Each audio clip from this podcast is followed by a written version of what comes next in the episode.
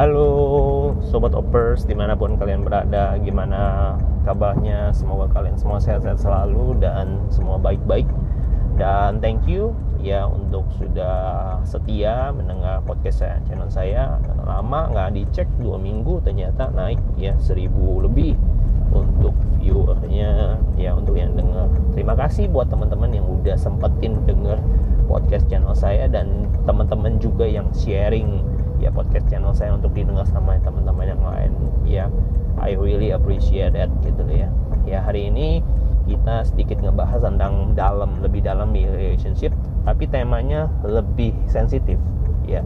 Saya mau berbicara tentang seks ya karena menurut saya hoppers ya kita tahu sekarang ini banyak sekali hal-hal di luar sana tabu ya dianggap tabu dianggap tertutup dianggap tidak layak untuk dikonsumsi dan didengar. Tapi saya merasa bahwa hal-hal yang tabu ini lebih baik dijelaskan atau diketahui oleh orang-orang yang berusaha untuk mencari tahu ya baik di net baik di media sosial mengenai masalah ini ketimbang mereka menemukan informasi yang salah ketimbang mereka mendapatkan dari orang yang salah ya. Informasi salah dari orang yang salah pula di waktu yang salah pula jadi lebih baik orang-orang tersebut mendapatkan informasi yang benar, informasi yang baik mengenai uh, masalah seks itu de dengan sumber yang baik juga ya. Jadi saya hanya mau membagikan beberapa hal di sini saya cuman men-sharingkan berdasarkan uh, pribadi saya ya tentang maraknya atau banyaknya orang-orang yang melakukan hubungan intim ya di luar pernikahan ya. Apa kerugiannya dan kenapa nggak boleh gitu ya. Saya akan jelaskan saya akan sharingkan itu ya. Yang pertama saya mau katakan kalau kita bicara mengenai hubungan intim di luar pernikahan artinya uh, hubungan intim ini atau hubungan ini dilakukan seperti hubungan suami istri ya antara seorang laki-laki dan perempuan dilakukan di luar jalur pernikahan. Jadi orang ini belum menikah atau uh, boleh dikatakan dia melakukan hubungan terlarang. Ya ya. Seks intercourse ya. Hubungan intim hubungan suami istri tapi uh, belum jadi suami istri yang sah gitu. Ya bisa saja dilakukan oleh mungkin uh, pasangan mungkin juga uh, seseorang dengan pasangan lain gitu ya. Dengan suami orang atau dengan istri orang ya bisa dikatakan seperti itu. Nah ya saya mau dikata uh, saya mau bahas dulu kenapa nggak boleh ya karena banyak orang ya pasangan tuh kenapa bilang kenapa nggak boleh? gitu ya. Banyak sekali kan orang kayak anak muda. Kalau sekarang dilarang atau apa pun mereka selalu bertanya secara logik kenapa nggak boleh kenapa sih gue nggak boleh nge-sex duluan? Kenapa sih gue nggak boleh cobain duluan? Kenapa sih begini? Kenapa sih begitu? Mereka selalu pengen menggali ya rasa penasaran mereka dengan mengatakan dan melontarkan kata why ya. Kenapa nggak boleh? Nah saya mau jelaskan dan bagikan. Yang pertama kalau anda bertanya secara agama pasti ya saya mau katakan orang tua selalu atau orang agama selalu mengatakan bahwa hubungan seks hubungan intim ya di luar pernikahan itu ada sebuah dosa ya. Pasti agama mana pun yang mengajarkan namanya norma ya aturan keagamaan ya. Mau semua agama yang benar pasti mengajarkan dengan dan sependapat dengan hal yang sama yaitu hubungan seks itu dilakukan apabila hanya dilakukan apabila Anda adalah seorang yang sudah menikah ya. Dan pasangan itu adalah suami istri yang sah secara hukum dan secara agama ya sekali lagi hubungan seks yang dilegalkan yang diizinkan ya bukan orang tidak boleh berhubungan seks boleh berhubungan seks akan tetapi secara agama pasti mengatakan bahwa Anda harus sudah menikah. Anda melakukannya juga dengan suami dan istri yang sah secara hukum dan secara agama. Karena sekarang banyak sekali ya orang-orang melakukan hubungan seks itu bukan dengan suaminya dengan istrinya. Ya lebih parahnya lagi hanya kawin kontrak berdasarkan surat saja gitu. Ya banyak ya nggak perlu disebutin. Tapi kalau saya mau mengatakan yang pertama kenapa sih nggak boleh? Ya hoppers mungkin juga ada yang bertanya kenapa nggak boleh? Ya saya perlu jelaskan dulu kenapanya dan ruginya apa kalau kita yang pertama secara agama anda sedang melakukan dosa ya. Nggak boleh di mana pun ya.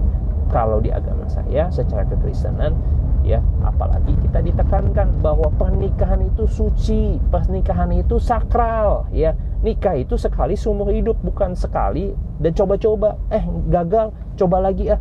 Ah gagal coba lagi. Nggak seperti itu. Pernikahan bukan sesuatu hal yang bisa dicoba-coba guys. Jadi pernikahan itu adalah sekali seumur hidup untuk selama-lamanya. Nggak boleh tukar nggak boleh tambah. Itu prinsipnya. Jadi um, ya harus hati-hati ya. Sebelum memutuskan untuk menikah harus hati-hati. Pilih yang benar ya. Jangan coba-coba. Nah itu yang pertama kuncinya. Bahwa kenapa sih nggak boleh? Ya karena secara agama itu dianggap berdosa ya. Tapi kalau orang-orang banyak mengatakan bahwa ah nggak usah bawa agama lah ya penjelasan yang lainnya. Oke saya jelaskan dengan hal-hal yang lain. Yang kedua saya mau mengatakan pandangan ini mungkin bukan di luar dari konteks agama tapi saya mau mengatakan dari pandangan secara pribadi saya. Yang pertama saya mau mengatakan kenapa hubungan intim di luar nikah itu tidak dibolehkan atau kerugian apa yang bisa didapatkan ya? Yang pertama saya mau mengatakan bahwa hubungan intim atau hubungan seks di luar pernikahan adalah um, membawa sebuah kerugian karena karena hubungan seks itu di luar pernikahan ya itu uh, Anda sedang mengorbankan sesuatu yang pasti ya dengan dan menukarkannya dengan sesuatu yang tidak pasti ya. Sekali lagi saya mau katakan bahwa hubungan seks di luar pernikahan itu sama dengan Anda sedang menukarkan atau Anda sedang men mengorbankan sesuatu yang pasti untuk sesuatu atau di situasi yang tidak pasti. Ya. Apa penjelasannya? Maksudnya apa? Ya, maksudnya gini, ya. Di dalam masa-masa Anda ya belum menikah, ya, pernah nikah atau pacaran, ya, ataupun sekalipun tunangan, ya saya mau mengatakan bahwa kita tetap uh, meyakini bahwa pacaran hubungan dekat itu pasti nanti muaranya adalah pernikahan. Ya betul ya. Ya menjalani sebuah hubungan yang dekat closure gitu close relationship pasti ujungnya adalah pernikahan. Itu adalah sebuah uh, membangun sebuah hubungan yang sehat. Pasti muaranya pernikahan. Kalau anda sedang menjalani sebuah hubungan yang dekat tetapi ujungnya bukan pernikahan maka saya mau mengatakan bahwa anda hanya sedang main-main. Ya anda sedang in fun relationship. Ya ya dong saya dekat misalnya sama teman saya tapi memang saya tidak mau menikahi dia ya itu kan buat fun having fun ya happy happy sama-sama dan fun sama-sama tapi kalau anda melakukan hubungan seks di dalam fun relationship, maka saya mau mengatakan bahwa Anda sedang mengorbankan sesuatu yang pasti Anda harus korbankan. Ya. Di dalam sebuah situasi dan kondisi ya ya yang tidak pasti. Ya kenapa? Karena saya mau mengatakan di dalam masa-masa pacaran itu pun close relationship itu pun penuh dengan ketidakpastian. Ya, saya percaya bahwa di dalam masa-masa pacaran bisa ada ada kemungkinan putus Kenapa? Karena kita namanya pacaran kan menjajaki. Ya, saya mencoba menjajaki. Saya suka sama kamu, kamu juga bisa menerima saya. Yuk coba kita jalanin sama-sama. Kita kan dalam masa penjajakan. Ya, dalam masa penjajakan itu kita semua akan diuji oleh waktu. Bisa saja saya menemukan Anda itu menarik mungkin di awal, tetapi setelah kenal lebih dekat lagi, kenal lebih lama lagi, kenal lebih jauh lagi, kenal secara dalam, ya mungkin dengan keluarga dan lain sebagainya saya menemukan bahwa anda pribadi yang tidak cocok bisa saja terjadi ya karena bisa saja pertemuan pertama kedua ketiga bisa menipu tapi pertemuan yang lain-lain kita kenal lebih dekat kita ngobrol kita sharing kita tahu segala kebiasaan dia kita tahu pandangan dia visi dia mungkin tidak sesuai dengan visi kita. Untuk apa kita lanjutkan lagi? Ya. Sesuatu hal yang nggak pasti. Tetapi di dalam situasi yang nggak pasti kalau anda melakukan hubungan seks atau hubungan intim maka saya mau mengatakan anda sedang menukarkan sesuatu yang pasti anda korbankan dengan sesuatu hal yang tidak pasti anda dapatkan. Loh iya benar. Ya di dalam pacaran itu kan sesuatu yang masih tidak pasti masih blank masih abu-abu hitam enggak putih enggak nah mungkin anda teman-teman hoppers juga mungkin sering mendengar ya itu tambah untuk hoppers ladies ya. Sering sekali mendengar perkataan seperti ini gitu. Saya akan melakukan, saya akan bertanggung jawab. ayo kita lakukan hubungan seks ini kalau anda mengasihi saya. Betul ya ada dua hal itu. Ya kalau kamu sayang kamu pasti mau kasih saya. Kamu kasih jatah saya. Kamu melayani saya yang kedua kalau ada apa-apa saya tanggung jawab. Kalau kalau ini ini bukti serius dan lain sebagainya. Ada dua hal perkataan yang sering dipakai oleh laki-laki. Yang pertama adalah membuktikan sayang harus melakukan hubungan seks. Yang kedua hubungan seks itu dia akan tanggung jawab kalau ada apa-apa. Nah menurut saya dua kata perkataan ini adalah perkataan yang menurut saya perkataan yang sangat sekali tidak dewasa dan perkataan yang gombal ya. Kenapa? Karena menurut saya kalau namanya mengasihi tidak merusak ya. Kalau dia benar-benar mencintai anda dia tidak merusak anda. Ya dia tidak merusak masa depan anda dia tidak mengajak seks di luar pernikahan dan dia bisa menunggu ya dengan waktu yang tepat. Itu menurut saya. Ya ini secara logiknya aja. Yang kedua kalau misalnya dia bilang kalau ada apa-apa gue tanggung jawab. Kenapa nggak tanggung jawab dulu? Kenapa nggak nikahin dulu? Artinya apa? Artinya itu sesuatu yang memang sudah pasti dia tidak mau tanggung jawab. Sesuatu yang di awal aja dia janji doang ya. Janji manusia itu bisa berubah-berubah bos. Hari ini ngomong A besok bisa ngomong B. Hari ini ngomong mau tanggung jawab belum tentu nanti mau tanggung jawab. Jadi apa? Sesuatu yang tidak pasti ya. Jadi jangan korbankan sesuatu anda yang anda miliki yang berharga dari anda. Anda tukarkan dengan sesuatu hal yang tidak pasti. Menurut saya itu sebuah kebodohan sebuah kerugian. Itulah sebabnya saya mengatakan jangan melakukan hubungan seks hubungan intim di luar pernikahan. Ya apalagi kalau anda bukan dengan muhrimnya ya bukan dengan pasangan resminya. Anda mungkin sesama ya sesama saling ya, sesama itu lebih jauh lagi ya. Itu LGBT jadinya ya. Um, ya saya belum ngomong seperti itu sih sampai di sana ya. Kita ngomong baru pria dan wanita saja nih kalau kita bicara mengenai hubungan di luar pernikahan ini banyak sekali kompleksitasnya. Bisa aja anda yang sedang mendengar ini juga anda adalah salah satu orang yang mungkin uh, melakukan hubungan seks tapi juga dengan keluarga. Ya dengan satu keluarga anda. Ya ya kita dengar sendiri ya di di media sosial kemarin ada seorang kakak yang yang bersetubuh dengan adiknya itu kakaknya umur 18 tahun adiknya masih SMP atau SD saya lupa gitu. Dan hamil gitu ya. Itu itu sebuah hal yang yang saat sekarang ini sering sekali uh, terdengar gitu ya. Hubungan seks dengan keluarga ayah dengan anak ya. Tua menantu ya itu itu itu banyak sekali uh, ya anak dengan ibu ya. Semuanya itu adik kakak dan lain sebagainya. Jadi banyak sekali terjadi hal-hal seperti itu. Itu juga termasuk uh, hubungan seks di luar pernikahan ya karena anda melakukan hubungan itu di luar daripada pernikahan yang sesungguhnya ya. Uh, bisa juga anda melakukan hubungan seks dengan suami yang bukan suami anda dengan istri yang bukan istri anda. Itu bisa juga terjadi. Jadi ini luas ya. Buat anda anda sedang menukarkan sesuatu yang pasti anda keluarkan anda korbankan untuk di setengah-setengah situasi yang tidak pasti. Menurut saya itu ya itu kerugian dan kebodohan jadi buat hoppers catat itu baik-baik yang pertama yang kedua di dalam uh, hubungan seks di luar pernikahan yang kedua adalah anda sedang gambling dengan sebuah resiko yang sangat teramat besar kalau anda melakukan hubungan seks di luar pernikahan artinya anda sedang gambling ya bermain-main dengan resiko yang sangat besar Nah, resiko yang sangat besar ini bermain-main maksudnya apa? Maksudnya gini, ya. Di dalam hubungan intim ya di luar pernikahan itu itu ada resikonya. Ya. Yang tadi saya sebutkan itu berbagai macam hubungan, ya. Nah, masing-masing hubungan ya namanya hubungan intim. Ya, itu ada resikonya. Resikonya apa sih? Kak, oh, ya. Saya mau kasih tahu nih hubungan yang namanya hubungan intim, hubungan seksual, pasti Anda sebenarnya secara fisikal Anda pasti sudah siap.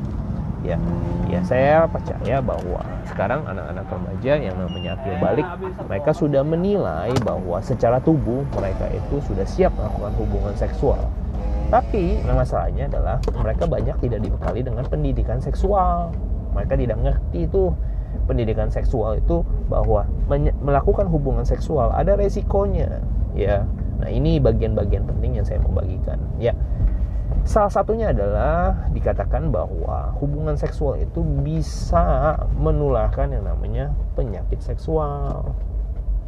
Kalau kita bukan suami istri, kita nggak bisa sure dan convince ya, ya, meyakini diri kita bahwa apakah memang benar pasangan yang kita ajak berhubungan seksual dengan kita bersih gitu kalau bukan suami istri itu kita nggak bisa tahu. Apalagi kalau teman-teman sedang mengajak ya itu pasangan orang gitu. Itu risiko besar sekali gitu. Kita nggak pernah tahu gitu. Suaminya ini eh, suami orang ini atau istri orang ini carrier nggak dari penyakit yang dibawa dari pasangan resminya ya. Jadi saya mau mengatakan bahwa hubungan seksual dengan orang yang tidak jelas ya dengan berganti bergonta-ganti pasangan ya itu membawa sebuah resiko yang besar sekali ya yakni apa? Yakni itu hubungan seksual itu bisa membawa atau mentransmisikan penyakit ya, penyakit seksual. Itu sebuah resiko yang cukup cukup uh, mengerikan gitu ya. Kenapa saya mau mengatakan bahwa banyak sekali penyakit-penyakit yang ditularkan secara seksual, baik itu penyakit uh, sipilis, penyakit yang namanya kencing nanah, kemudian penyakit AIDS ya. Penyakit AIDS itu ada penyakit yang sampai sekarang belum ditemukan obatnya ya. Uh, penyakit yang menggeragoti sistem kekebalan tubuh dan lama-kelamaan ujungnya adalah pada berakhir kepada kematian.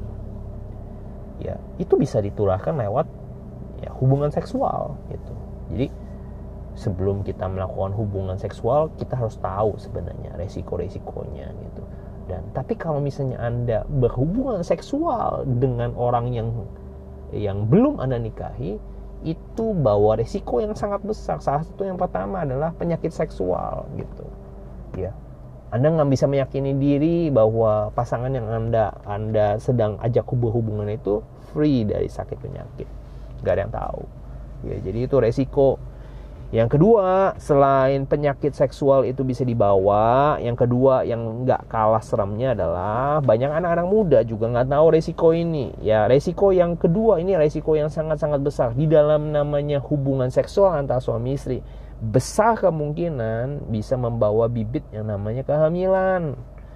Ya banyak sekali orang bilang wah yang penting enak yang penting ini nah masalahnya anak-anak yang remaja pada saat sekarang usia-usia tanggung mereka tidak tahu atau tidak alert dengan yang namanya resiko kehamilan mereka hanya mau enaknya saja mereka hanya tahu enaknya saja mereka hanya berkata dan berpikir yang penting suka sama suka, cinta sama cinta. Tapi mereka lupa bahwa ada resiko besar yang menanti ketika melakukan hubungan seksual, yaitu apa?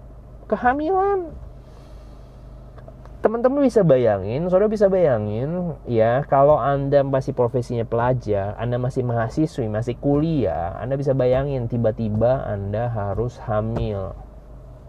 Gak gampang loh ya. Ini ada sebuah hal fenomena yang saya mau katakan banyak sekali bahkan orang yang tidak siap dengan ini akhirnya apa? Ya banyak sekali kita temukan di berita ya kita baca di sosial media. Akhirnya seorang pelajar seorang ibu muda yang tidak siap membuang bayinya ya membuang bayinya ke tong sampah mencekik dan membuangnya ke toilet dan lain sebagainya. Banyak sekali berita-berita itu terjadi. Kenapa hal itu terjadi? Karena mereka nggak alert mereka nggak siap mereka nggak terima dengan yang namanya keadaan bahwa mereka harus mengasuh anak mereka harus punya anak gak siap dengan itunya. Mereka hanya cuma tahunya siapnya berhubungan seksual tapi mereka tidak tahu ada resiko bahwa anda bisa jadi seorang ibu seorang ayah. Ya melahirkan bayi itu nggak mudah ya. Kalau anda pun mengatakan bahwa oh pacar saya mau tanggung jawab seandainya anda punya tanggung jawab sekalipun posisi anda saat sekarang ini untuk hamil itu nggak gampang. Apalagi anda pelajar statusnya anda mahasiswi ya. Perut untuk membawa perut buncit itu selama 9 bulan gak gampang gitu. Ini ada sebuah resiko yang harusnya kita tahu ya. kalau apalagi yang paling menggelikan adalah kita melihat bahwa banyak sekali pasangan-pasangan pelajar yang ditemukan yang namanya akhirnya e, kedapatan hamil di luar pernikahan dan mereka harus menjalani pernikahan sekalipun jadi merit by accident ya kita katakan kategorikan kan seperti itu tapi saya mau katakan juga gimana caranya? Resikonya kan udah hamil. Hamil itu kan artinya kan sudah ada janin ya harus dibesarkan. Harus ada pengeluaran. Sementara belum bisa cari uang. Cuman belajar ngandelin siapa. Ini bikin susah banget gitu ya. Jadi menurut saya pahami dulu lah resikonya. Ada resiko dengan yang namanya kehamilan mungkin teman-teman ada yang mengatakan bahwa oh iya kan bisa pakai pengaman bisa pakai alat kontrasepsi dan lain-lain sebagainya. Banyak sekali anak-anak muda hoppers ya. Semoga hoppers juga tidak tidak tidak tidak termasuk dengan anak-anak muda yang ngeyelan gitu ya. Tetap aja mencari cara, mencari celah untuk melakukan hubungan seks ya, walaupun sudah dikatakan gak boleh gitu ya. Tapi emang dasar orang kadang-kadang punya alasan, punya segudang yang namanya pembelaan bahwa mereka kan melakukan dengan pengaman, dengan dengan alat-alat kontrasepsi. Saya mau mengatakan bahwa walaupun dikatakan alat kontrasepsi bisa yang namanya mencegah yang namanya proses yang namanya penyakit seksual ataupun kehamilan tapi saya mau mengatakan tidak ada 100% tidak ada alat kontrasepsi yang menjamin 100% bahwa tidak terjadi yang namanya penyakit penularan penyakit seksual itu bisa terjadi uh, dengan mediasi apa pun cara apa pun ya. Kadang kita nggak pernah tahu alat kontrasepsi pun bisa gagal bisa bocor ya bisa fail to work ya. Banyak sekali kejadian bahkan saya mendengar saudara sepupu saya nikah walaupun dia spiral walaupun dia menggunakan alat KB ya. Kejadian itu bisa saja terjadi gitu. Jadi kita nggak bisa bilang 100% bahwa anda aman enggak jadi faktor resiko itu masih sangat besar menurut saya ya jadi faktor resiko yang pertama penularan penyakit seksual yang kedua penu, uh, ya apa yang namanya kehamilan yang ketiga yang saya mau katakan lagi yang di luar daripada itu adalah uh, masalah resiko yang besar yang juga tidak kalah besar adalah uh, merusaknya sebuah hubungan. Ya banyak sekali orang tidak tidak pandai dan tidak alert dengan masalah yang resiko yang ketiga ini.